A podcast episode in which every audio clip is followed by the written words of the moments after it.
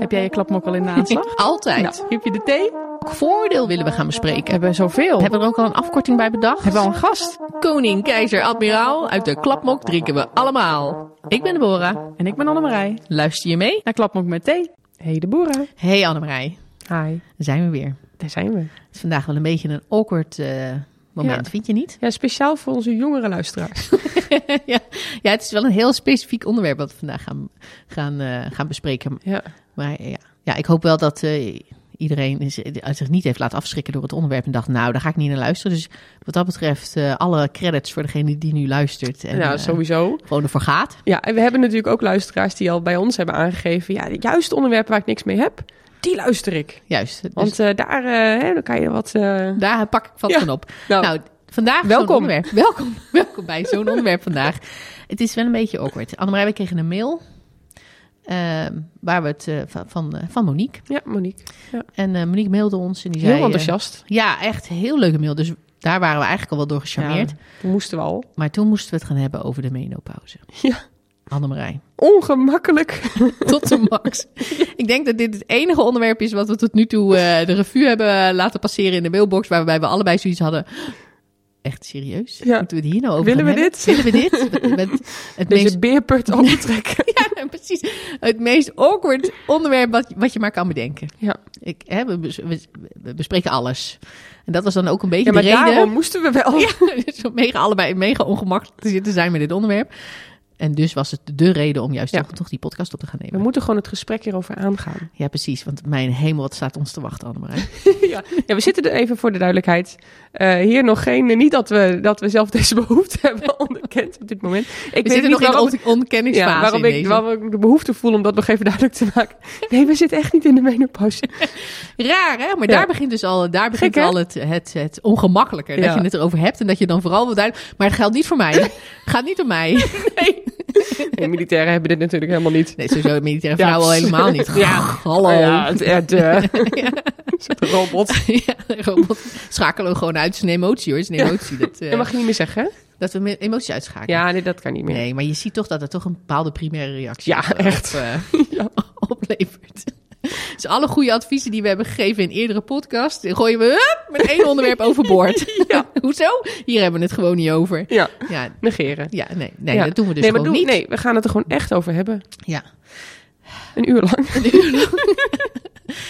Nee, dat gaat vast goed komen, Annemarij. Ja, Kom, we gaan Ja. jullie je voorstellen aan Monique, denk ik. hier komt ze, ja. Nou, Annemarij, eh, zitten we dan eh, met onze gast van vandaag, eh, Monique Westerwoud. eh loopbaanbegeleider bij de CLSK. Eh, en heel specifiek bij het Defensie Helikoptercommando, het DHC, zoals dat dan mooi weer eh, lekker afkorten met z'n allen. Ehm, maar we zitten hier niet omdat je als loopbaanbegeleider hier zit, maar omdat jij eh, de Menokracht-mentor bent. Ja, dat klopt, ja. Maar Ja. wat is dat? Wat is dat nou? Neem ons eens Ja. mee.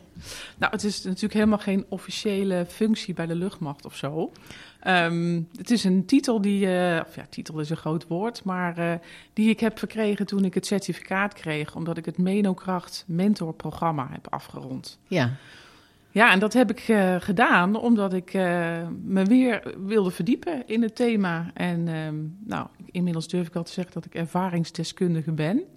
Ehm, ik word dit weekend 54. Oh, en nu heb ik ook gezegd, ik ga alleen maar leuke dingen doen. dus daar hoort dit ook bij Ehm, maar ik vind het vooral belangrijk omdat, eh, omdat ik denk dat meer vrouwen ehm, ja, dit moeten weten. Ehm, er is veel meer te leren over eh, de overgang en de menopauze dan alleen die opvlieger die we wel kennen allemaal. ja want dat is waar het over gaat. Hè? Als we het hebben over menokracht, dan hebben we het over eh, de vrouw tussen de 35 en de 50, 54, 60. ja, die, ja, ga maar door naar 60 inderdaad. ja. Ik werk door tot mijn 67ste en een beetje. Dus Ja. ja. Ja, precies. En die, Ja. dan, eh, die dan natuurlijk vanzelf eh, in de fase komt dat ze de menopauze ingaat. Het blijft een gevoelig onderwerp. Nee, het is eh, ongemakkelijk. Ongemakkelijk om het erover te hebben. Ja. Maar goed, we, Maar je, je, slaat komen. je er doorheen. Ik ja, zie ja, het ja, aan ja, je. ja. Ja. ja, het is heel goed. ja, ik help Maar daarom een ook. beetje. Ja, precies. Ehm, maar daar, daar, heb je dus, daar heb je een opleiding voor gedaan. Ja, dat klopt. En dat komt eigenlijk omdat ik zelf merkte, eh, of er eigenlijk achter ben gekomen, dat ik er nog vrij weinig van wist. Ja. En ehm, ja, ik had zoiets van, eh, daar wil ik meer van weten. Ehm, ik ben met dat programma begonnen. En vooral ook omdat het me aansprak dat het Menokracht heet. Want het gaat natuurlijk om de menopauze of de Ja, dat het niet menozwakte werd genoemd. En dat het niet menozwakte werd genoemd. Nou Want ja, dat is, daar komen we straks misschien nog wel Ja. even aan. Maar dat is vaak wel ja, zoals het wordt gezien. Of menoklacht. Of menoklacht. en, eh, of eh, weer zo'n vrouwending. Ja, Eh, ja, ja, nou ja. Ja. Dat is ook weer een vooroordeel, denk ik. Ja. Ehm, maar je ziet ook gewoon in de praktijk dat, dat het in een, een periode van je leven komt... dat heel veel dingen opeenstapelen. Ehm, even algemeen gezegd, eh, je hebt eh, allebei een drukke baan. Eh, als je een partner hebt, eh, vaak ook met kinderen die wellicht in de puberleeftijd zijn. Ja. Ehm, je hebt ouders die al wat ouder zijn en misschien ook wel mantelzorg eh, nodig hebben. Nou, noem het allemaal maar op. Dan verandert er ook nog van alles om je heen. eh, en vaak sneller dan dat je zelf eh, wilt. Ehm, en dat kan allemaal bijdragen tot een stukje overbelasting. En als je dan wat kwetsbaarder bent, maar je weet niet hoe dat is gekomen, Mhm. Ehm, dan wordt heel vaak, eh, soms deels terecht, eh, maar soms deels minder terecht, eh, de diagnose burn-out gest- gesteld. Ja. En ehm, dat is op zich nog niet zo erg, alleen, want zo voel je je vaak ook wel, hè? lekker een beetje half af, afgebrand soms. Maar het herstel van een, een officiële burn-out, zeg Ja. maar, zoals een, de medische term is, ehm, en het herstel van ehm, eh, de situatie die bij jou is ontstaan door jouw rollercoaster aan eh, hormonen die niet meer met elkaar in balans zijn, om het maar even zo te noemen, dat is verschillend. Ja. Ehm, dus ja, dat is hetzelfde als dat je, ja, eh, ik noem maar wat, een, een pil inneemt tegen kwaal A, terwijl je kwaal B hebt. Ja, ja, en dan helpt het dus niet. Ja. ja je, wil, je wil weten waar het vandaan komt. ja, wat de eh, oorzaak is ja, van precies. waarom je je zo voelt in Precies. plaats van... eh, ja. Ja. ja. ja. Oké, en maar wat ik jou net hoor zeggen, dus het is ook voor een deel een, een veerkracht iets, of niet? Ja, ja, en daarom sprak de term kracht me ook zo aan. En je ziet in andere culturen vaak nog meer dan bij ons... dat de oudere vrouw ook vaak de wijze vrouw is. De vrouw met Natuurlijk. ervaring. En trouwens, we hebben het niet alleen over vrouwen... want mannen komen ook in de overgang. Ehm, dat zit, omdat ze een ander lichaam hebben, een beetje anders in elkaar. Maar ook daar eh, nemen de hormonen af. Eh, maar dat gaat lineair. En bij ons gaat het alle kanten op. Dus echt letterlijk een rollercoaster. Ja, kijk, en hier gaan natuurlijk, hè, de- verschil. onze mannelijke luisteraars, die gaan natuurlijk nu eh, dat op zichzelf even projecteren. Is Ja. dat dan die fase dat ze die motor of die Maserati kopen en Dat zo? zou zomaar kunnen, Ja, ja. ja, precies. Kijk, Ja. Ja. Ja. Ja, dat noem je de midlife crisis. maar ik moet wel zeggen, aan het woord midlife crisis, hè, dat, dat doen we altijd ook een beetje grappig over. Mhm. Eh, maar ik kan me voorstellen dat je dat als man ook wel echt wel eh, als, eh, als serieus ervaart. Hè? Dat je ook even niet weet wat je moet en waar je op aard bent en dat soort dingen allemaal. Maar daar zit niet zo'n negatief of spannend gevoel achter dan wanneer je zegt, eh, joh Annemarij, eh, ik eh, ga richting de menopauze. Ja, Ja. ja. ik ben er daar nog niet bewust van anders. overigens. Maar ja, maar dat is wel een ding. En, en Ja. ook aan mezelf. Ik kan uh, midlife crisis, haha. En eh kunnen we een grapje over maken. Ja, en, menopauze maken we geen grapjes Maar, over. over menopauze, maar we Nee. hebben het er überhaupt niet eens over. Nee, Want dat is toch een beetje gek. Veel te ongemakkelijk. Ja, ja Hoe komt, inderdaad. hoe komt dat eigenlijk? Weet je dat? Ehm, nou, ik, nu ik me er wat meer in ben gaan verdiepen, Ja. want ik vroeg me dat natuurlijk ook eh, af, eh, ben ik erachter gekomen dat het ehm, veel al te maken heeft gewoon met hoe onze maatschappij in elkaar zit. We leven toch in een mannenmaatschappij. Ja. Ehm, en dat is helemaal niet om, om daar nou heel, heel feministisch over te doen of zo, dat bedoel ik helemaal niet. Maar eh, heel veel is gevormd op deze manier. Weet je, als je op de middelbare school zit, dan zegt de gymleraar in de eerste gymles van... eh, ja, weet je, eh, als je ongesteld bent, dan moet je niet aankomen met... ik heb een briefje, ik hoef niet te gimmen, je doet gewoon mee. Ja. Weet je wel, het begint al gewoon van... Ja, het is een ongemakje en... Het is jouw eh, ongemak, voor mij is niet mee jouw lastig. ongemak, van mij niet mee lastig. Ja. inderdaad. en ehm, ja, zo zijn we natuurlijk met z'n allen ook een beetje gevormd. En Ja. ehm, onze ouders komen vaak ook uit een, eh, uit een ehm, generatie en een manier van opvoeden... dat over dat soort dingen gewoon niet gepraat werd. Nee. Plus dat we natuurlijk ook eh, met elkaar allemaal veel langer doorwerken. Wij zijn de eerste generatie vrouwen die doorwerkt tot ons eh, leeftijdsontslag of ons pensioen. Mhm. Ja. En ehm, daarvoor hè, was het, eh, ja, mijn moeder komt nog uit de tijd dat als je ging trouwen, dat je dan stopte met werken. Ja. Hè, mijn ook geen andere optie, zo'n in beetje. militaire dienst gezeten in Nee. de vijftiger jaren. Toen was ze bij de luchtmacht. Ehm, dus eh, nou ja, als je bij haar daar, dat knopje nu indrukt, het is inmiddels 92, dan Ja. praat ze daar nog steeds eh, met heel veel trots eh, en plezier over. Ja, heel leuk. Ehm, maar ja, toen had zij ook al natuurlijk bepaalde vrouwendingetjes waar je dan ja, wat je, waar je niet over sprak en waar je probeerde een oplossing voor te bedenken. Ehm, en dat is natuurlijk nu nog steeds zo met jonge vrouwen die het veld in moeten en ja, naar het toilet moeten of uh, zich moeten verschonen, uh, vier Ja. maandverband, nou noem maar op. Ja.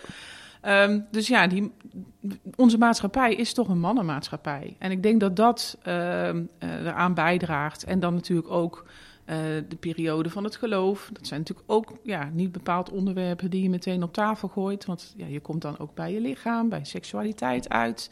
Dat zijn ook geen onderwerpen die je nou dagelijks met iedereen gaat zitten bespreken.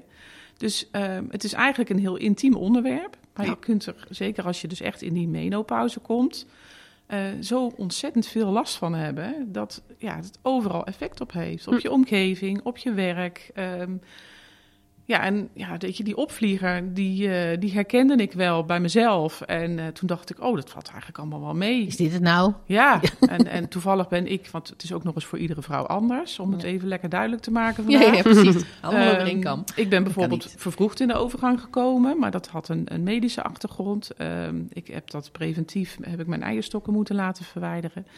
Ehm, en die keuze gemaakt toen ons gezin compleet was. En dan weet je, dan kom je meteen, Ja. meteen in de overgang. Eh, met twee kleine kinderen zag ik dat helemaal niet zitten.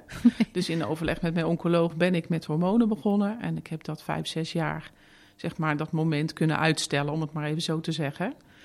En toen kwamen er zo een paar opvliegertjes en toen dacht ik, ach, Als dit het is. als dit het is. Nou, dan eh, valt het met mij mee. ja, en destijds werd ik ook niet echt voorgelegd van wat er allemaal op me af zou kunnen komen. Uh, nou ja, op een gegeven moment gaat jouw lichaam daar zeg maar ja, aan wennen dat die hormonen niet meer binnenkomen vanuit dat pilletje. En uh, dan gaat je lichaam settelen. En dan heb je natuurlijk alles in je leven. En uh, ja, ik had uh, echt last van onzekerheid. Uh, veel jonge collega's in mijn team. Dat ik echt dacht van, jeetje, dit gaat wel heel snel allemaal. Ik kan het niet meer bijbenen. Ik kan het tempo niet meer bijhouden. Ik was altijd gewend om hard en veel te werken op een hoog tempo. Ja. En dat was er nu niet meer. Ik kon me niet meer concentreren. Um, ik werd er dus ook neerslachtig van. Ik kon, uh, nou, depressief is denk ik een zwaar woord. Um, maar het doet wel maar wat dat uh, doet behoorlijk wat met je. Ja. En dan vond ik ook nog eens wel dat mijn omgeving er maar niet zoveel last van moest hebben. Uh, zeker toen dan ook de coronatijd uh, uh, kwam. toen had ik zoiets van, nou, als ik maar zorg dat het voor mijn kinderen allemaal goed gaat. Hè, dan, ja, dat is wel het belangrijkste. Ja, dat, is, dat vond ik, en dat is ook het belangrijkste. Maar ik had zoiets van, nou, laat ik maar niet zo te veel over mijn gedoe praten. Um, en nou heb ik het geluk gehad dat ik op dat moment een leidinggevende had waar ik heel goed mee kon praten. En die ook wel zag dat ik me anders gedroeg dan wat hij van mij gewend was. Ja. Dus op een gegeven moment kon ik daar wel over praten. En dat was veelal telefonisch of via Teams. Ja, vanwege corona. Dus nu, nu ik me dat uh, nou zo vertel, dan realiseer ik me ook... misschien was dat ook wel fijn, omdat je dan toch anders dan als we nu zitten wij zo aan tafel mm. en we kijken elkaar zo recht in de ogen. Ja. Dat is ook alweer anders. Ja. Er was toch een meer afstand. Maar we hebben dus wel heel goed kunnen praten. En mm -hmm. dat heeft me enorm geholpen. Ja. En um, ja, ik ben er al lezende... Want bij mij werd dus ook de uh, burn-out uh, geconstateerd. Dus op een gegeven moment ja, was ik officieel ziek gemeld. Burn-out. Nou, ja. hop, stempel. um, dus ook, ja, ook... Ja, niet altijd de fijnste term uh, om te gebruiken. Zeker niet als je er ook echt, echt een burn-out hebt. Maar ja. mensen hebben daar dan ook vaak weer een idee over. Ja. Maar goed, dat terzijde. Um, ja, en toen ging ik op een gegeven moment dingen lezen. En uh, toen ja, kwam ik ook bij een blog van uh, Marieke terecht, van Menokracht. En die beschreef ook een aantal zaken dat ik dacht, oh, maar dit herken ik. Ja. En uh, ik, oh, ik dacht dat ik gek aan het worden was, maar dat is het helemaal niet. En uh, ja, je realiseert je wel dat je ouder wordt en dat je dan wat vergeetachtiger wordt. En omdat je druk hebt en dat soort dingen. Ja, dat, dat, dat, dat is dan een beetje de conclusie die je trekt. Ja. Maar dat al die klachten die ik had echt daarmee te maken had, dat, dat had ik me dus niet. Uh, nee, ik ja, denk niet ook niet dat je bedenken. daar. Uh, ik denk ook niet dat je je daarmee bezighoudt. Want het is precies wat je zegt. Je bent, je, ja, wat, wat, hoor je nou als je over de. Als je, als je zegt, nou, je gaat richting de 50, hè, denk je al gauw. Uh, maar dat hoeft dus niet. Het kan al veel eerder, maar het kan ook Ja. later. Ja, Uh, zeg ja, nou ja, goed. hè, Je krijgt een beetje de stereotype klachten. Hè, de opvliegers, daar begint het dan vaak mee. Uh, en dan, ja, dan houdt het eigenlijk al gauw op. Eh, ja, ja, probeer maar eens te ben- benoemen. Van wat hoort er dan bij? Ja, ik zou het zo inderdaad Je verder hebt niet, je er helemaal eh, niet over. weten. Nee. Je moet je echt in gaan verdiepen. Ja. Wil je weten wat de klachten zijn, waar je dan last van hebt, voordat en je die en het is- stempel bij je En het is ook nog eens bij iedereen anders. Ja. Hè? Ja. En bij de een duurt het 20 jaar en bij de ander is het eh, binnen een paar jaar helemaal klaar. Ja, dat klopt. Dus- Je moet je eigenlijk voorstellen, we spreken dan eigenlijk van de perimenopauze, de menopauze en de postmenopauze. En eigenlijk is de menopauze zelf zo rond je 51ste levensjaar, gemiddeld. Ehm, en eigenlijk mag je zeggen van, ik, eh, ik heb de menopauze achter me gelaten... ehm, als ik eh, een jaar lang niet gemenstrueerd heb. Hm. Ja. Maar die hele fase daarvoor, de perimenopauze, dat kan vanaf je 35ste, 40ste levensjaar al starten. Ja. En dat gaat dus niet lineair, zoals bij, eh, bij mannen, wat ik net zei, maar dat gaat bij vrouwen letterlijk als een, ja, als een rollercoaster. Dat hoor je eigenlijk in de meeste eh, fora en in de boeken lees je dat terug. Die rollercoaster, daar kunnen we ons, dus mooie metafoor, daar kunnen we ons goed bij voorstellen, hè, wat dat inhoudt. Ja. Ehm, en zo gaat het ook. Die, die hormonen en vooral de, het oestrogeen, eh, de oestrogenen nemen af. Ehm, ja, en dan gebeurt er dus van alles. Dus in eerste instantie ga je natuurlijk, terwijl je gewoon nog menstrueert, dingen ervaren. Ehm, ja, en als dat echt met je cyclus te maken he- heeft, dan moet je ook echt wel met je huisarts of met een ver- verpleegkundig overgangsconsulente gaan praten. Ehm, Hebben we die bij Defensie? Ah, nou, ik Nou, weet het niet. Ja? ik, eh, ik heb een ehm, via ik ben mijn netwerk een beetje aan het opbouwen natuurlijk. Ehm, ben ik eh, uitgekomen bij de marine. En daar is een overgangsconsulente op proef voor een jaar Echt? aangesteld. En ehm, ja, ik vond het echt fantastisch om te horen. Zou ook dokter Gerda dit geregeld hebben? Ik heb geen idee, maar we kunnen het er wel eens vragen. Ja. En zij heeft ehm, eh, afgelopen 16 november ben ik ook eh, uitgenodigd door haar. En zij heeft een symposium verzorgd. En ehm, daar natuurlijk ook sprekers uitgenodigd die alles over de overgang hebben verteld. En ehm, dat, is, eh, dat zijn twee gynaecologen. Ehm, Ik kan ze nog even met naam en toenaam eh, noemen. Eh, dat zijn ehm, Pauline Ottevanger en Wilma Smit. Eh, je kunt ook op hun site, Vrouwenwijzer, eh, kun je kijken. Ehm, en dan kun je allerlei informatie vinden. En zij hebben ook uitgelegd van, nou, wat gebeurt er nou met het vrouwenlichaam, et cetera. En wat kun je eraan doen. En ook gelukkig met een, een, een beetje humor. Want humor helpt altijd hè, om de boel een beetje te Zeker. Ehm, dus daar kan ik nog meer over vertellen straks. Maar eh, er is dus een overgangsconsulente. En ja, dat is al een heel mooi begin, denk ik. Ehm, maar wij hebben bij de gezondheidsdienst bij ons eh, op het DHC ook eh, een praktijkondersteuner die inderdaad bij dit thema ook bekend is. Dus zo zie je dat er eigenlijk best wel wat kennis is, maar Ja. Het is nog niet zo ehm, kenbaar gemaakt voor iedereen, denk ik. Mhm. Ja, want kijk, ik noemde net al even dokter Gerda.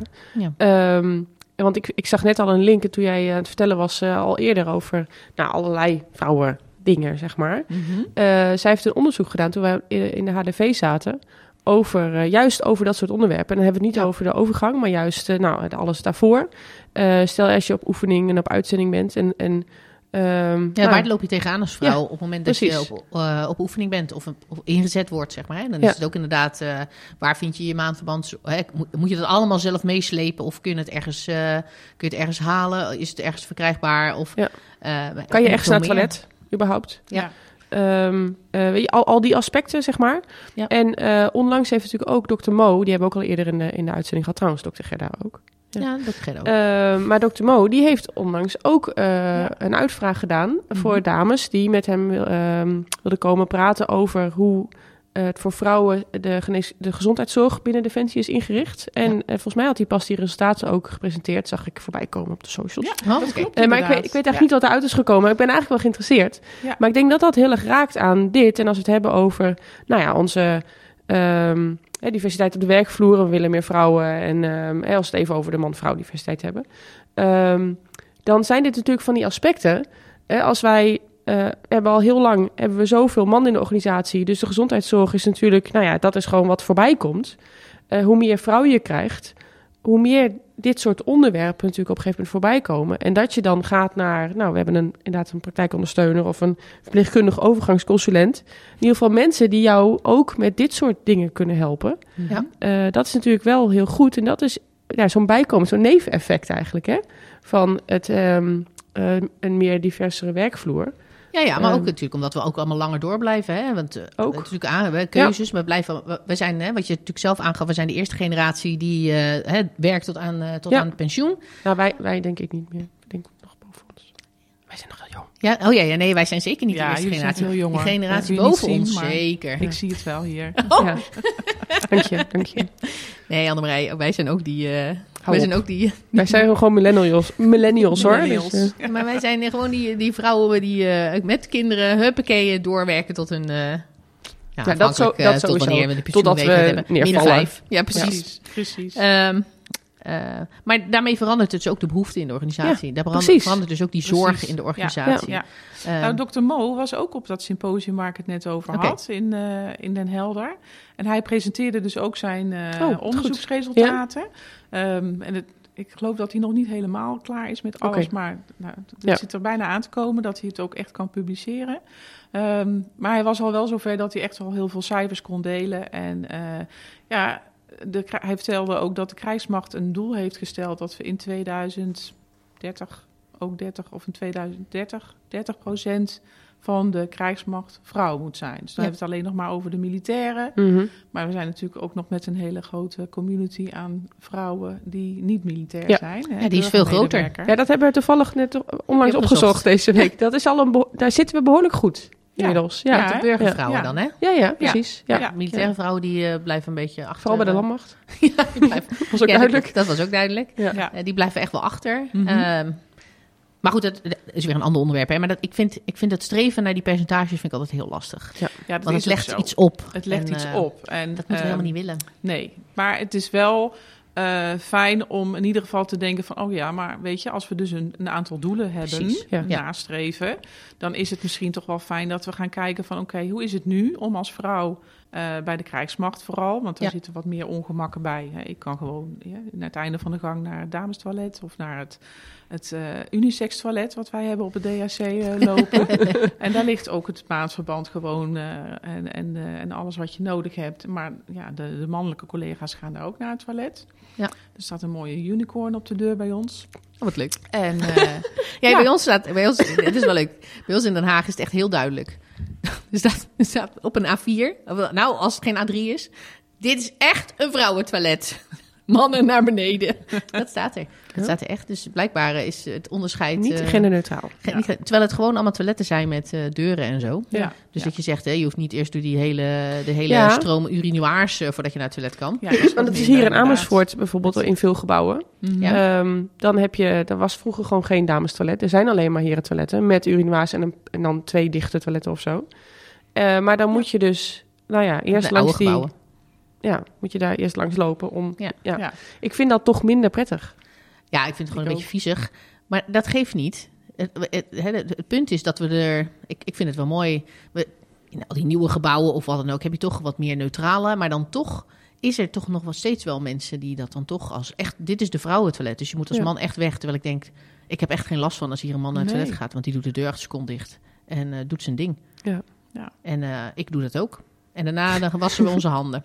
Ja. En dan is het klaar. We doen allemaal hetzelfde. Ja, dus wat mij betreft. Maar ik vind het heel leuk om te horen dat jullie dan een unicorn plaatsen. Ja, ja. Ja. Ik, zeker als het toilet zo ingericht is. Ja, dan maakt het toch helemaal gewoon niet laten uit. verbouwen. Je hebt thuis Ja. toch ook geen aparte toilet voor je man of je Nee, vrouw? daarom. Nee, daar hebben we ook wel eens Ja. discussies over. Maar goed, dat terzijde. Oh, het is dus toch een onderwerp. Het is wel een onderwerp. Misschien van een andere podcast. Ja, ja, precies, precies. Laten we even terug gaan. Naar- laten we even teruggaan naar het Het was een leuke sidestep. Ja, maar ehm, ja, die mannenwereld. En Ja. Ja. ik vond het eigenlijk wel heel leuk om eh Dr. Mo, heet Ja, hij, ja. hè? Ehm, om hem ook even eh, te horen spreken. En ook, ehm, ehm, ja, ook weer die trend ook in te zetten van... Ja, als we naar duurzame inzetbaarheid kijken, loopbaanbegeleiding... als ik even bij mijn eigen vak eh, kijk... dat is natuurlijk ook duurzame inzetbaarheid. Ja. Eh, maar soms ben je wel beperkt in de mogelijkheden... wat je voor mensen kunt betekenen. Eh, die tijd hebben we ook meegemaakt. Ge- Nu, nu kan bijna alles, om het maar zo te zeggen. Ehm, binnen, de, binnen de perken. Ja, ja, ja, uiteraard. Bijna alles. Ehm er kan veel meer, laat ik het zo zeggen. En ehm, ja, daar hoort dit dus ook bij. En niet alleen maar op die leeftijd van 45 plus, eh, maar ook daarvoor al. Want eh, vrouwen die wat jonger zijn en ja, je, je moet maar net treffen hè, of je met, je met je moeder daarover gesproken hebt destijds of niet. Eh, en dat is nog niet eh, een garantie dat jij dan ook alles weet. Want Ja. dan ga je uit van haar verhalen, haar ervaringen. Dat wil natuurlijk nog helemaal niet zeggen dat dat per se hetzelfde moet zijn voor jou en hoe jij het ook beleeft.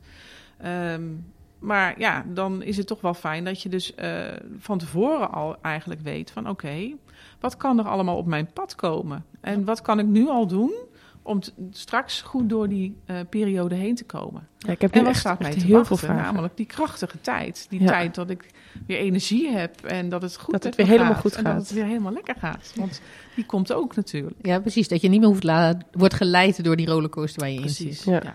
En het hoeft ook helemaal geen leidersweg te zijn. Ja. En dat zie je dus wel, dat eh, op dat symposium, maar ook op andere plekken, dat dat wel steeds meer naar voren komt. En dat, dat is wat Menokracht ook meegeeft aan de mensen die het programma volgen. ehm, dat het geen leidensweg hoeft te zijn. En er zijn echt wel manieren om het, eh, om het wat minder heftig te laten zijn. Of misschien zelfs helemaal op te lossen. eh, zodat je gewoon op een prettige manier ouder kunt worden. Want dat is natuurlijk een natuurlijk Mhm. proces. Ja, precies. Dat kunnen we natuurlijk niet tegenhouden. Nee. Nou, ehm, nou heb ik al een, eh, en een coach. En een eh, voor competentieontwikkeling en zo. En een Mhm. mentor voor de, de loopbaan, zeg maar. Mhm. Ehm, maar moet nu iedere vrouw ook nog een menokrachtmentor? Nee, helemaal niet. Nee. Ik, ik, ik ben juist een voorstander van dat, dat het een, een generiek iets is, wordt. Dat, dat we het met elkaar kunnen be- bespreken. En Menokracht Mentor, dat zei, daar begon ik al mee, dat is geen officiële eh, luchtmachttitel of iets dergelijks. Eh, dat is toevallig wat op dat certificaat Ja. staat van de opleiding die ik heb, eh, heb gedaan. Ehm, maar het gaat erom dat je in ieder geval weet dat je met iemand het gesprek aan kunt gaan. Ja. Als je in die situatie zou verkeren, dat je het gevoel hebt van ik ben hartstikke gek aan het worden en ik weet het niet meer. En hé, hey, wacht eens even, ik hoorde die podcast. Misschien moet ik eens bij Monique gaan praten. Ja. Ehm, ja, dat is in eerste instantie natuurlijk gewoon. Hè, ik ben loopbaanbegeleider op het DHC. Dus alle mensen die ik daar begeleid, die, die mogen sowieso bij mij op gesprek komen. en bij mijn team of ons team. Eh, mijn collega's en ik hebben een bepaalde verdeling gemaakt. Van nou, die afdeling, hè, dat squadron daar en dat squadron bij die.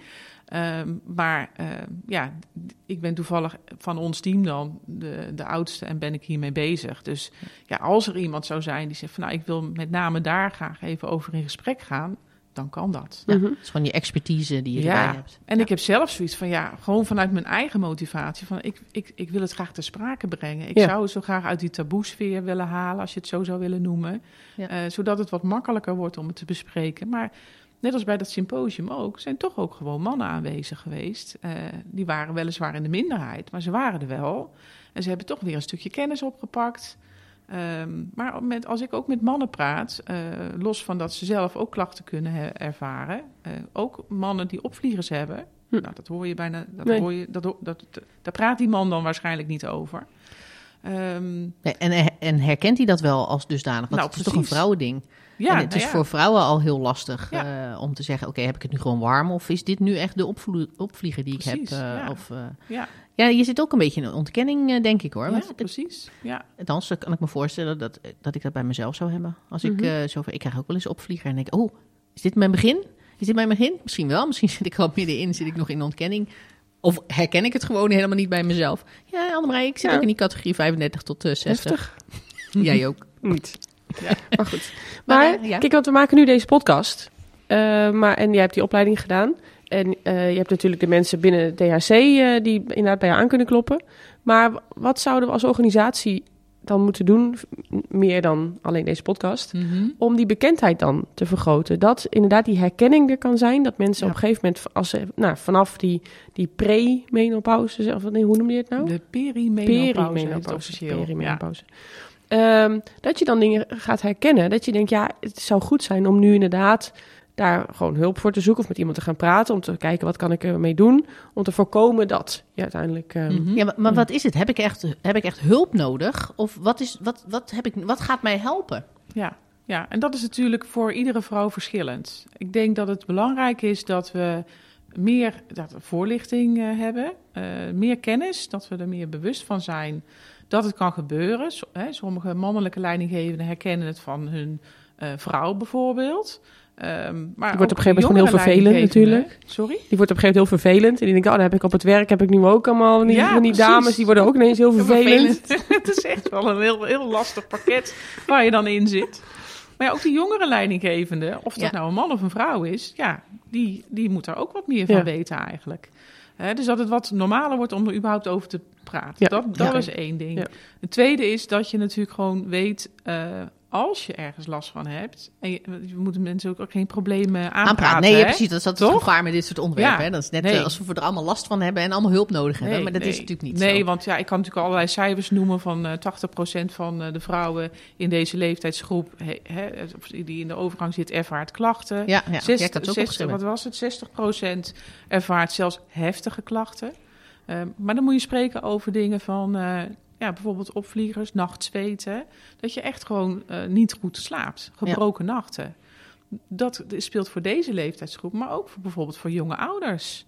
Hè, die iedere keer hun bed uit moeten of moeten voeden of, of Ja. hè, noem maar op. Zowel vaders als moeders. Dat is Ja. verschrikkelijk. Of dat je, nou dan heb je weer bijvoorbeeld dat je minder flexibel bent. Van ja, ik moet nu stoppen met deze vergadering, want ik moet naar de kinderopvang. Eh, dat kan ook weer allerlei effecten teweeg brengen.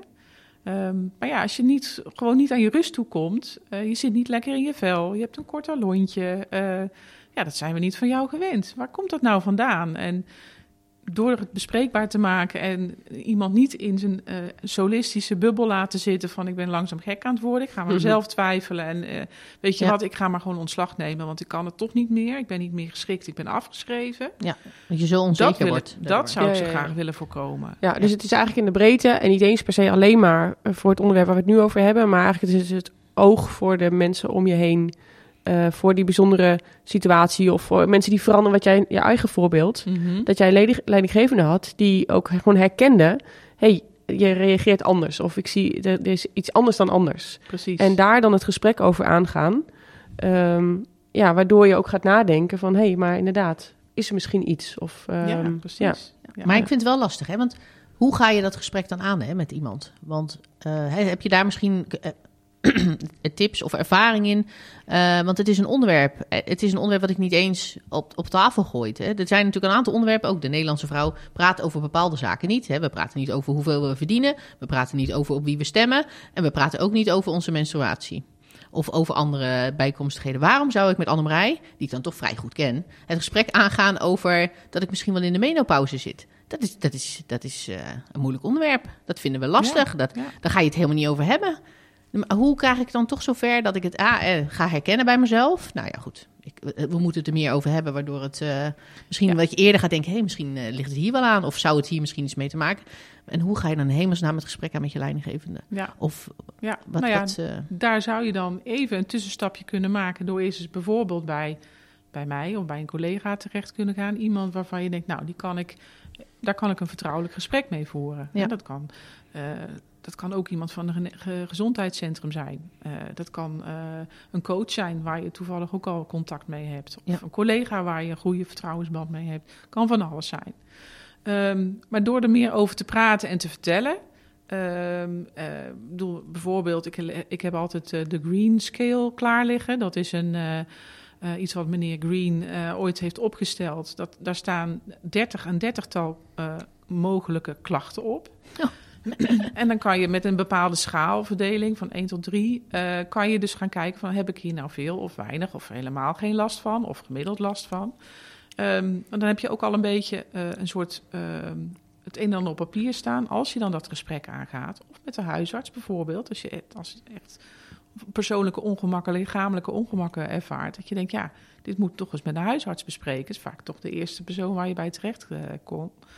Dan kan je je ook een beetje voorbereiden. Want ja, Ja. je hebt tegenwoordig maar eh, tussen de 8 en de 10 minuten. Dus dat is wel handig dat je een beetje ja, weet wat voorbereid je- het wat je gesprek kwijt zit. wil, zeg maar. Ja. Ja. Ja. en dan heb je als, als burger natuurlijk nog je eigen huisarts, waar je waarschijnlijk al jaren komt, die Een je ook kent en waar, je- waar je een band mee hebt, maar die ook ehm, nou ja, al weet wat jouw voorgeschiedenis is. En als militair is natuurlijk de vraag waar jij... Wie je nu weer treft. Ja, want ik heb nog nooit twee keer dezelfde arts gezien volgens mij. Nee, en dan lopen we ook natuurlijk ook niet de arts plat. Nee, Eh, ik kom überhaupt nee. eigenlijk niet. Soms verzamel ik het en dan ga ik één keer per jaar en dan doe ik Dan er drie dingen al je zo. Eén keer op de... Ik heb ook nog last van dit. Ja. Ik kom eigenlijk voor mijn knie, maar stiekem heb ik eigenlijk ook dit en heb ik ook dat. Voel ik hier wat zitten. Ja, nee, Ja, moet je vooraf zeggen, hè? want dan krijg je iets meer tijd. En dan kan je dan jassen we alles er even doorheen. maar En dan ben ik weer klaar. Ja, we, we doen er een beetje lacherig over, maar het is natuurlijk wel hoe het vaak gaat. Ja, En dan eh, is Ja, het... En ja. dan helpt het als je een beetje voorbereid bent. Of desnoods precies. een lijstje maakt van al die klachten die je hebt. Want ze zouden ook wel eens met elkaar in verband kunnen staan namelijk. Ja. Hè, dus ik wil er nu niet een heel medisch verhaal van gaan maken. Hè, maar je hebt hele eh, klachten die heel erg voor de hand liggen. Bijvoorbeeld die opvlieger. Hè. Ja. Maar je hebt ook klachten, eh, zeker als je nog menstrueert. Dan, dan moet je altijd naar een arts gaan als daar iets niet, niet gaat zoals je het gewend bent van jezelf. Eh, maar ook bijvoorbeeld hoofdpijn. Of eh, ja, overmatige transpiratie. Of eh, dat je inderdaad slapeloze nachten hebt. Maar bijvoorbeeld niet van het nachtzweten. Maar dat je gaat liggen malen. eh, dat je je onzekerheid, onze- onzekerheid erger wordt. Of dat je in één keer heel onzeker wordt. Terwijl je dat normaal gesproken niet bent. dat soort dingen. Hm. Ehm, en daar kunnen dus meerdere oorzaken voor zijn. Ja. Dat zijn klachten die, ja, waar we allemaal wel eens last van kunnen hebben. Alleen, wanneer heeft het nou met de overgang te maken en wanneer niet? Ja. Kijk, en ehm, in, in, in, eh, eigenlijk eh, overal waar je eh, de informatie gaat halen, wordt ook aangegeven van ja, het hoeft geen lijdensweg te zijn. Nee. Dus ga nou kijken van nou, wat kan je nou doen? En dat kan ook gewoon dat, dat homeopathische middeltje zijn hè, waar je baat bij hebt. Of een ander eetpatroon. In voeding kan je heel veel doen om te zorgen dat je minder last hebt van schommelingen in je hormoonhuishouding. Oké, Sowieso zou je dan al. bijvoorbeeld... Waar, waar moet je dan aan denken? Ehm, ja, heel dat veel heeft- chocola denk ik toch? Denkt veel het. chocola. Ja. Ja. Ja. Dat, is ook, eh, dat is ook een plant, hè, dus dat is groente. Dus dat is hartstikke goed Ja. voor je. Dankjewel. Ehm, maar eh, nou, vooral als je het bij de pure chocola houdt, dan, eh, dan doe je het hartstikke goed. Hè. Daar zitten al die antioxidanten. ja, wel veel in. vet Dus, geloof ik. Maar ja. Ja, keuzes. Ja, Ja. keuzes inderdaad. Eh, nou, op je gewicht letten. Ehm, zorgen dat je altijd hè, alle kleuren op je bord hebt liggen, zeggen ze altijd. Hè, dat je alle groenten en eh, dingen voorbij eh, ziet komen. Minder vlees, want er zitten natuurlijk ook hormonen in. Ehm, Ja, daar moet je met name naar zoeken. maar naar zelfs ook, als je daar gevoelig voor zou zijn, eh, je vleeswaren, als je vlees eet, eh, eh, niet in dat plasticje laten zitten. Want in dat plastic zitten ook allemaal hormonen. Oh, echt? Eh, Oh. In schoonheidsproducten, eh, verzorgingsproducten. eh, ja, als je er eenmaal in gaat verdiepen, dan... Ik ben geen expert op dat vlak, maar... nee, maar ja, beetje- dit zijn wel dingen, daar denk je toch helemaal niet over na? Nee, precies. Nee, maar ja, als je, je moet er maar net gevoelig voor zijn. Ja. En dan eh Hm. erachter komen dat het daarmee te maken heeft. Ja. En dan, hè, dus het heeft niet alleen maar met de overgang te maken, maar sowieso, hè, mannen en vrouwen, we zijn levende wezens. Dus we hebben hormonen en allemaal verschillende, om allerlei verschillende functies in je lichaam aan te sturen. Ja. Maar ook, hè, dus bijvoorbeeld je op jonge leeftijd hebt, maar ook op oudere leeftijd. Dus die postmenopauze, eh, die duurt nu veel langer dan dat we dat vroeger gewend waren. Want de leeftijdsverwachting van een vrouw was 100 jaar geleden 60 of zo. En nu gaan we al richting de 80, 85. Nou, eh, mijn moeder is 92 Ja. en die is van plan om 100 te worden. Dus eh, ja, weet je, dan, Ja, dan ga je wat eh, langer mee. heb je natuurlijk veel meer ehm, dat je langer doorwerkt, maar dus ook veel minder bescherming van die oestrogenen. Die zorgen voor eh, bescherming, dat je voor de, de botontkalking ligt dus op de loer. Dus ja, ik slik wat extra vitamine D bijvoorbeeld. Ehm, je hebt die bescherming niet als het gaat om hart- en vaatziekten. Dat is boven de 60 bij vrouwen. Boven de 60 ehm, doodsoorzaak nummer 1. Ja. Ehm, sowieso is, er al, is dat vrij recent pas dat we echt zien dat het vrouwenhart anders werkt dan het mannenhart. Ehm, en ook het dichtslippen van aderen werkt bij mannen weer heel anders dan bij vrouwen. Dus dat zijn allemaal van die dingetjes dat je denkt van ja, die bescherming van die hormonen toen ik nog jong was, Ja, die, valt weg. Ja. Dus wat moet ik daaraan doen? En om ervoor te zorgen dat ik, ja, dat ik het zo lang mogelijk eh, vitaal en gezond eh, volhoud. Ja. Dus dat fysieke stuk, dat medische stuk, dat is zeker een ding. Ehm, en, en ik ben dus niet medisch onderlegd, maar ik kan wel. Stel je voor dat er iemand bij mij komt en die denkt van, nou, weet je, het werkt niet meer, ik moet een andere baan of ik ga ontslag nemen. Zo. Vaak willen mensen nog wel eens hele rigoureuze beslissingen nemen. Of relaties verbreken of ontslag nemen. Ja, dat willen we natuurlijk niet. We willen onze goede medewerkers behouden. Hè? Ja. Ehm, maar ik kan zo iemand wel doorverwijzen. Hè, En ik, kan, ik weet inmiddels wel dat ik kan zeggen, nou ja, misschien zou je eens met zo iemand kunnen praten. Ja. Of misschien met die, of misschien Zoek die. daar. Ja. Dus ja, het hangt een beetje vanaf wat, ja, wat er bij jou speelt. Ja, ja en eh, ja, ik- ja, de voeding, dat vind ik een hele goede. Vitamines noemde je al. Want je had, zei al eerder ook al van, ja, wat kan ik eraan doen? En dat er best wel veel hele nuttige dingen zijn... waardoor je de klachten vermindert. eh, dat het misschien wel eerder ook overgaat. En eh, dat het heel effectief kan zijn. Ehm, maar moet ik dan ook denken aan bijvoorbeeld eh, dat je hormonen gaat slikken en zo? Of is Dat, dat... zou heel goed kunnen, ja. ja. Maar, dat is dat er je- niet uitstellen van? Je kan toch niet je hele leven lang Eh, hormonen nee, blijven precies. slikken? Dat was Nee, ook klopt. voor je. Dat klopt. En ehm, daar wordt heel veel onderzoek naar gedaan. Ehm, ik weet nog wel, toen ik, eh, maar dat, dat was dan, hangt dan ook wel weer vanaf welk hormoonpreparaat je krijgt. Eh, maar toen ik dat eh, ging eh, innemen, toen werd ik ook voor gek verklaard van waarom doe je dat? En eh, je hebt juist een verhoogd risico op borst- en eierstokkanker. En dan ga je weer hormonen nemen. En nou ja, weet Ja. je, Mhm.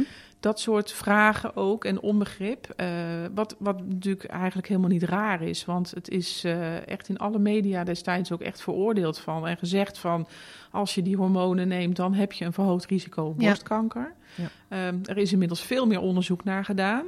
En ik heb begrepen dat die dosering dusdanig laag is dat je dat altijd in overleg met een eh, arts natuurlijk. Ja. eh, omdat het voor, ja, we, we zijn hier met drie vrouwen aan tafel en het is voor ons alle drie weer anders. Dus je moet echt een arts hebben die kijkt van ja, hoe, wat heb je überhaupt nodig Ja. en hoe jij het bij jou? Ja. Kun je het hebben? Dan zijn er verschillende hormonen en verschillende manieren.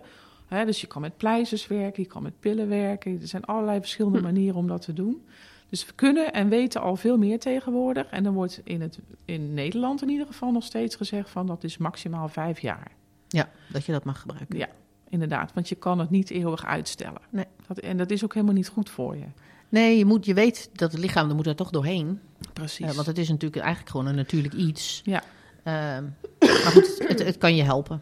het kan, je, zeker helpen het, eh, om, eh, om dat erge, heftige er Ja, een beetje af te halen. halen. Ja, Scherpe randjes. scherpe randjes, ja. Zo Ja. wordt het gezegd. Het is net een bevalling, scherpe randjes eraf. Ja, inderdaad. Ja, Zie je? Ja. Ja, Ja. even terug. Het is wel even geleden, maar... eh, het is inderdaad even geleden, ja. Ja. Nee, ja, ik vind het wel heel erg interessant. Eh, als ik nu op de, op de, de, ja, de, de werkgeversstoel ga zitten... Mhm. En eh, ik, eh, er, komt een, er komt een vrouwelijke medewerker naar mij toe. En die komt toch even het verhaal vertellen. Dat ze niet lekker in de vel zit. Dat ze zich onzeker voelt. Dat ze, hè, met andere woorden, ze wil het met mij bespreekbaar maken. Wat heeft zij dan nodig? Nou, ik Wat, denk, moet dat ik, het, wat moet ik doen? Ik denk dat het allerbelangrijkste is dat je luistert. Ja. Ik denk dat dat het allerbelangrijkste is. Gewoon dat, dat je eh, het gevoel hebt dat iemand eh, ja, jouw eh, worsteling, jouw gevoel, jouw nare gevoel, want je zit niet lekker in je vel op dat moment, dat, dat je die erkenning krijgt. Ja. Dat iemand inderdaad gewoon open is en luistert. Ja. Hè, en ehm, je hoeft niet meteen met oplossingen aan te komen. Het is ook helemaal niet de bedoeling dat alle leidinggevenden straks alles weten van hoe het werkt en wat het vrouwenlichaam doet en wanneer en wat en waar en waarom. Ja. Dat is helemaal niet de bedoeling. Nee. Eh, maar het is wel fijn dat je inderdaad weet als leidinggevende of, of werkgever, eh, in, in de breedste zin van het woord, dat je dan inderdaad weet van er zijn een aantal mensen eh, waar ik deze persoon eh, naar kan verwijzen als zij eh, daar behoefte aan zou hebben. Want dat is Ehm, ook inderdaad nog even de vraag. Ja, kijk, en als, als je gewoon aan, aan, aan jouw vrouwelijke medewerker vraagt van joh, of aan de mannelijke medewerker nogmaals, want Ja. die kan er ook last van hebben. Van joh, hè, we hebben nou geluisterd, je hebt een ding- wat dingen verteld. Hè, vat het dus nooit even samen, dat, hè, dat je ook kan laten zien dat je het ook echt... hè, Dat je zeg echt maar, geluisterd dat je hebt. echt geluisterd hebt. Ehm, ja, en vraag het ook gewoon van wat heb jij nodig? Oh, dat vind ik zo belangrijk. Ja. Ja, eh, eh, Ja. eigenlijk zo eenvoudig kan het zijn. Hè? Ja. Ehm, dat Ja. geeft al zoveel ruimte en lucht om eh, ja, een, een opluchting. dat je weet van, oh ja, weet je wel. Want je gaat je gewoon, als je niet praat en je gaat in je eigen hoofd zitten malen. Je gaat je allerlei dingen afvragen. Je gaat je onzeker voelen. Ja. En als je je eenmaal onzeker gaat voelen, dat, dat heeft zo'n manier om dat zeg maar eh, steeds erger eh, op te bouwen en dat het sterker wordt. Met alle gevolgen van dien. Ja. En als je inderdaad een leidinggevende hebt of een, of een collega of iemand in de buurt die jou gewoon vraagt van joh, vertel nou eens. En wat is dat voor jou? Dus noods geef je je zakdoek of je doos met tissues nog Ja, even als het nodig is. Hè, want ja, dat is helaas ook het geval. Je wordt af en toe wat makkelijker eh, emotioneel. Er wordt nog wat, Er wordt nog wat- wat wiebelig. Heb ik mijn hele leven al last van. Ja, ja het is echt, kan echt een vloek zijn soms. Maar eh, ja, het is nou eenmaal zo. Ja, Eh, ja. en zeker als je het probeert om het tegen te houden. Wordt het alleen maar erger. Ja. Ehm, dus ja, luisteren. Gewoon vragen, wat heb jij nodig? Ja. Ehm, maar wel wetende, maar soms kan je er ook van schrikken. Dat je denkt, jeetje, weet je wel. Er zit Dat ik zo die- reageer. Oeh, Ja. dat, oh ja, of dat je heel fel reageert. Of dat je in één keer helemaal leeg loopt en, eh, alles Ja. vertelt en eh, waar, je, waar je mee zit. Eh, ja, dat, dat, dat zie je niet altijd aankomen natuurlijk.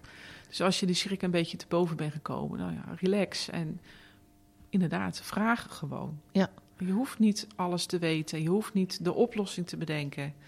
Ehm, Nee, dat is vooral denk ik wel het belangrijkste. Weet, weet je wat mijn grote vrees is? Als, als, stel dat ik eh, dadelijk eh, verder ga en ik eh, ga deze ontwikkeling wat bewuster in. eh, dat ik dan ook op zo'n moment kom dat ik het even kwijt moet. En dat ze dan vervolgens voor mij gaan nadenken over wat dan goed is voor mij. Hè, Ja. Dat over in het kader van wat kan ik nog wel? Of oh, die is dan nu in deze fase misschien wat minder belastbaar. Dus kan ze dit niet doen. Of eh, er moet bedacht worden welke functie, eh, welke functie ik moet doen. En dat dan mensen gaan nadenken: oh, maar Deborah, oh, Deborah die is nu eh 51. En ben ik nog niet, hè, dat duurt nog heel veel jaar. Heel lang. Heel lang duurt dat. Maar die is nu 51. Oh, die zal wel in de menopauze zitten. Oh ja, nee, dan moeten we niet meer dit laten doen. Want het is, eh, Lijkt me heel naar. Dus dat inderdaad... dat eh, lijkt me echt heel ja. naar. Maar goed, die ervaring hebben we natuurlijk ook. Hè, dat als je, als je richting eh, de 30 gaat en je hebt nog geen gezin, dan gaan ze ook. Ja, die functie moet jij misschien maar niet nemen. Want je gaat dadelijk binnenkort wil je vast kinderen. En dan weet je dat er zo over je nagedacht wordt. Dus ik hoop echt, dat is wat ik de leidinggevende boven mij zou willen meegeven. Hè, dat op het moment dat je dat in je hoofd hebt, dat je denkt, nou, ik ga eerst aan haar vragen hoe zij erin staat. Ja. En wat zij denkt dat ze nodig heeft. En dat er niet over je nagedacht wordt, maar dat er met je wordt nagedacht over wat dan misschien handig is. Want misschien hebben ze wel gelijk en zit ik op mijn 51ste op de meest instabiele rollercoasterbaan eh, van mijn leven. En ik komt het misschien niet uit om deze functie nu bij mij, eh, bij mij eh, in de mik te schuiven. Maar dat je kijkt voor iets anders wat beter past. mhm. Maar ik heb liever dat ik dat dan in overleg doe, eh, dan dat dat voor mij besloten wordt. Eh, want dat is vaak het gevolg van eh, hier aandacht aan geven, het op de oppervlakte en we gaan het erover hebben. Soms wordt het dan ook een ding, terwijl dat misschien helemaal niet hoeft te zijn. Nee, dat hoeft het zeker niet te zijn. Nee, precies. Nee, en daar zou ik wel heel graag voor willen waken. Ik vind het inderdaad wel heel belangrijk dat we het hier nu over hebben. Ik vind het al minder moeilijk om over te hebben Mhm. of om het onderwerp te bespreken. vragen. Van, vind je het nog zo ongemakkelijk? Nee, nee, eigenlijk niet. Eigenlijk helemaal niet. Nee, hè? Nee, valt wel mee. Maar omdat je het erover hebt. Maar Ja. ik wil ook niet dat het een ding wordt. Nee. Weet je, dat mensen Nee, er ineens een ding van gaan maken. En het hoeft natuurlijk ook niks met je ambitie te doen. Nee. En met hoe goed je je werk doet. Want misschien heb, je af en toe een opvlieger. Ja, lekker belangrijk. Ja. En, ehm, en verandert er verder. Ja, er zijn er misschien een paar dingen waar je inderdaad... Of, eh, nou ja, waar je dan wat mee doet. Of waar je het gesprek Mhm. over aangaat. Of wat dan ook. Eh, maar wat verder op jouw functioneren misschien wel helemaal geen effect heeft. Dus inderdaad, weet je wel. En, en, en misschien wil je inderdaad juist de andere kant op. Eventjes, even pas op de plaats. Even aan je, weet je wel, daaraan werken. Ja, je bent al te Eh, veel met jezelf bezig. ja, Geef precies. even iets even meer eh, Ja. rust, Mhm. planbaar. Misschien ook afhankelijk van inderdaad eh, eh, thuissituatie en, Ja. en alles wat er omheen hangt. Nou, die stapeling hè, waar je mee begon. Exact. Ja, Ja. precies, precies. Maar omdat ehm, nou, dat, dat, dat dat niet wordt ingevuld voor je, maar Ja. dat je dat ook dat, je je daar zelf een stem in hebt. Ja. Dat, dat je dat, dat Ja. je dat in kan Ik brengen. denk dat dat het heel wordt. belangrijk is. Ja. Ja. Want nogmaals, het is voor iedere vrouw anders. Ja. En ehm, als je er überhaupt al achter komt welke klachten het zijn die daar überhaupt mee te maken hebben, eh, dan is al heel wat dat je het voor jezelf een beetje op een rijtje hebt. Ja, je bent al lang blij dat je de erkenning ingaat voor jezelf. Ja, en dan eh, als iemand anders dan voor jou gaat denken, dat, Ja. is, dat is nooit goed, denk ik. Nee, Nee. nee. het is überhaupt niet goed. Hè? Nee. Laten we dat even eh, vooropstellen. Maakt niet uit welke situatie je zit. Daarop. Praat niet over mensen, men praat Ja. met ze. En nogmaals, het is ook niet voor iedere vrouw hetzelfde. Nee. En gelukkig maar. Ehm, het is alleen maar gewoon fijn eh, dat het bekend is. En ja, weet je, als je dat nog niet hebt, zorg inderdaad dat je kennis van zaken hebt. Dat je weet hoe jij in elkaar zit en Ja. hoe dat werkt bij jou. Hè. Überhaupt al. eh eh, ik bedoel, het is niet dat ik de maanstanden iedere keer in de gaten eh, houd. Maar als jij weet hè, wat jouw cyclus is, dan Ja. heb je ook periodes of dagen in je cyclus dat je hartstikke vol energie bent en dat je heel scherp bent en dingen heel goed kunt, eh, kunt doen. En dat je heel goed voor een groep kunt staan of een, of een briefing kunt geven of, of er dingen die wat meer van je vragen. En je hebt ook altijd dagen in die, in die periode dat je, dat je wat minder hebt. En dan even wat minder in je energie zit. Ja, als je dat heel bewust uh, voor jezelf weet, dan kun je daar zelfs in je agenda rekening mee houden van wanneer doe ik wat. Ja. Uh, en dan ga je ook sneller doorhebben wanneer er dingen aan het veranderen zijn. En dan ga je ook inderdaad weten van oké, dan wat kan ik daar dan het beste aan doen. Ja, precies. En soms, het is ook niet dat je het gevoel moet hebben dat je erover moet praten. Hè? Het is alleen zo dat als je die behoefte hebt, dat het kan. Ja, en dat je dat ook lekker gaat doen. En dat je dat ook lekker Ja. gaat doen. Praat het lekker Ja. van je af. Precies. Mooie boodschap. Ja, denk het ook, ja. Ja. Heb, hebben, we alles, eh, hebben we alles kunnen bespreken? Heb je alles op tafel kunnen gooien, Monique? Ik denk het wel. Ja, ik kan nog uren doorpraten Ja. natuurlijk. Ja. Maar eh, ik denk dat we de belangrijkste dingen wel, eh, wel eh, gehad Ja. hebben. Ja, en de website, geval. website Vrouwenwijzer kunnen mensen nog kijken als ze meer willen De lezen. website eh, Vrouwenwijzer. Eh, nou, je mag mij natuurlijk altijd een eh, berichtje sturen als je er meer over wil weten. Eh menokracht.nl is natuurlijk ook een hele belangrijke ehm, site eh, waar heel veel eh, informatie te vinden is. En ehm, ja, langs die weg kom je altijd, tenminste zo is mijn ervaring weer, via via. Eh, je komt bij eh, verschillende boeken, literatuur uit. Eh, er is van alles eh, te doen. Je kunt erover lezen, je kunt erover praten, je kunt erover luisteren. Nou, Precies. Eh, dus iedereen kan het lekker op zijn eigen manier eh, tot zich nemen. Nou, Monique, hartstikke bedankt dat je met ons dit gesprek hebt aan willen gaan. Het, het was voor ons een beetje spannend in het begin. Eh, zeker het onderwerp, maar ik denk dat we, Zit er helemaal in nu. dat we er helemaal in zitten en Ja. dat het helemaal goed komt. Leuk. Dus de eerste begin is gemaakt. Ja, Dankjewel. Dankjewel. Hartstikke goed. Ja, jullie bedankt. Ik vond het heel erg leuk om te doen. Nou, het is toch iets minder awkward geworden dan in ons, toen we net eh, deze aflevering begonnen. Ja, dat wel hoor. Dat vind ik ook. Ik vond eigenlijk dat het heel makkelijk ging. Ja, ik ook. Het, ik vond het in het begin nog wel een beetje moeilijk om eh, te zeggen. Heb, zeg ik nu echt hardop uh, menopauze? zeg ik dat nou hardop? Opvliegers. Opvliegers, ga ik nu ook zeggen. Ga ik dat ook zeggen. Maar eh, nee, ik vond eigenlijk dat ze ons eh, eigenlijk heel ontspannen meenam in het, eh, in het onderwerp. En Ja. Ja, ook, ook vanuit haar eigen ervaring eh, dingen Mhm. meeneemt en zo. Dat, dat geeft... eh, Ja. Nou, dat geeft wel vertrouwen eigenlijk. Ja, en ik ben het eh, met, het, met het, nou, het gesprek over aangaan en wat meer bekendheid. En waar hebben we het nou eigenlijk over? Zodat Ja. mensen dingen kunnen herkennen bij zichzelf. Daar ben ik wel echt voorstander van. Ik denk Ja. dat dat heel goed is. Ja. Ehm, en dan niet alleen bij vrouwelijke collega's, Nee. maar ook bij leidinggevenden. Ja. Ja, nou dat vind ik wel. Of, of ook voor die mannelijke collega's wel. Weet je, op het moment dat je merkt Ja, aan je in je Ja. hoofd dat je een mega rollercoaster Tuurlijk. ingaat. Want hè, we, we koppelen het nu aan de menopauze, maar ik zat ook na te denken. Eh, dat, gaat aankomen. Dat, dat is een feit. Dat, eh, daar gaan we doorheen. En de een eh, die ervaart de, rollercoaster als de, de, de Max en Moritz Mhm. voor kinderen vanuit de Efteling. En de ander die denkt, god, ik zit hier zes keer in de Python. Mhm. Ja. dat is, dus dat is voor iedereen weer anders. Mooi beter voor trouwens. Ja, leuk. maar, maar ik vind wel dat het, het geldt ook voor de man. Het geldt ook voor iedereen die in, in zo'n fase zit. Die zegt, Ja. hé, hey, ik weet het gewoon even niet, weet je Ja. Of, Ik, ja, ik wil hem heel even. want Toevallig, ja, ik denk ver? het nu ineens aan. Oh. Eh, ik heb, eh, was het afgelopen weekend, in de krant heeft heel uitgebreid gestaan over eh, hoeveel mannen van middelbare leeftijd Ja. zelfmoord plegen. oh joh, Ja, oh, dat is heel heftig ineens. Ja, dat is even een heel heftig Ja. onderwerp. Maar dat zal ook, ja, nou, ik heb me er hier te weinig in verdiept om hier Ja. echt heel inhoudelijk heel veel over te vertellen. Maar ehm, dat is net ook zo'n kennelijk, hè, uit onderzoek gebleken, ook zo'n leeftijdsgebonden Ja. ding. Ja. Maar misschien ook wel qua hormonen en, en, Ja. eh, en die onderwerpen die we eigenlijk net allemaal besproken hebben. Wat misschien daar ook wel achter zit. Mega onzekerheid over jezelf. Ja, precies. Wat maakt dat het goed is om met elkaar, om daar bekendheid over te hebben, Nou om dat te weten, om te herkennen. Ik zit niet lekker in mijn vel.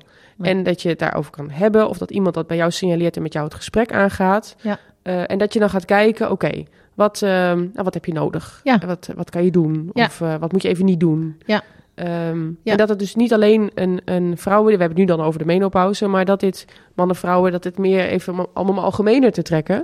Ja. Eh, als je merkt, hè, er, er gebeurt iets en, en dus, nou, we hebben nu die signalering op een, in een bepaalde leeftijdsfase, hè, van waar we het nu vandaag over hebben.